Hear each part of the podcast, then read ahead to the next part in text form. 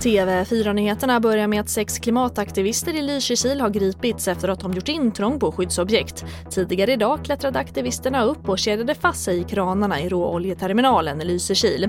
Och det handlade om en protest i samband med att regeringen ska besluta om tillståndet att låta Preem bygga ut sitt raffinaderi. Och Västerbottens inland har de senaste veckorna drabbats av en kraftig inbrottsvåg.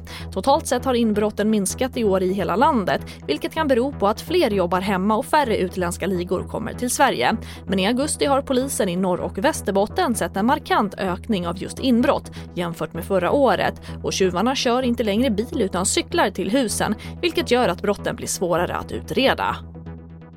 Och i flera regioner har antalet som söker vård för ätstörningar ökat. Enligt TT ibland med så mycket som 50 procent. Och flera ätstörningsorganisationer vittnar om en ökad oro bland unga under våren.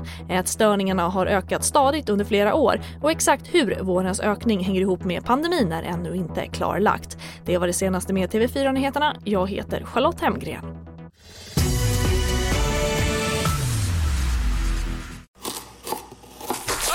Dåliga vibrationer är att skära av sig tummen i köket. Ja! Bra vibrationer är att du har en tumme till och kan scrolla vidare. Få bra vibrationer med Vimla. Mobiloperatören med Sveriges nöjdaste kunder enligt SKI.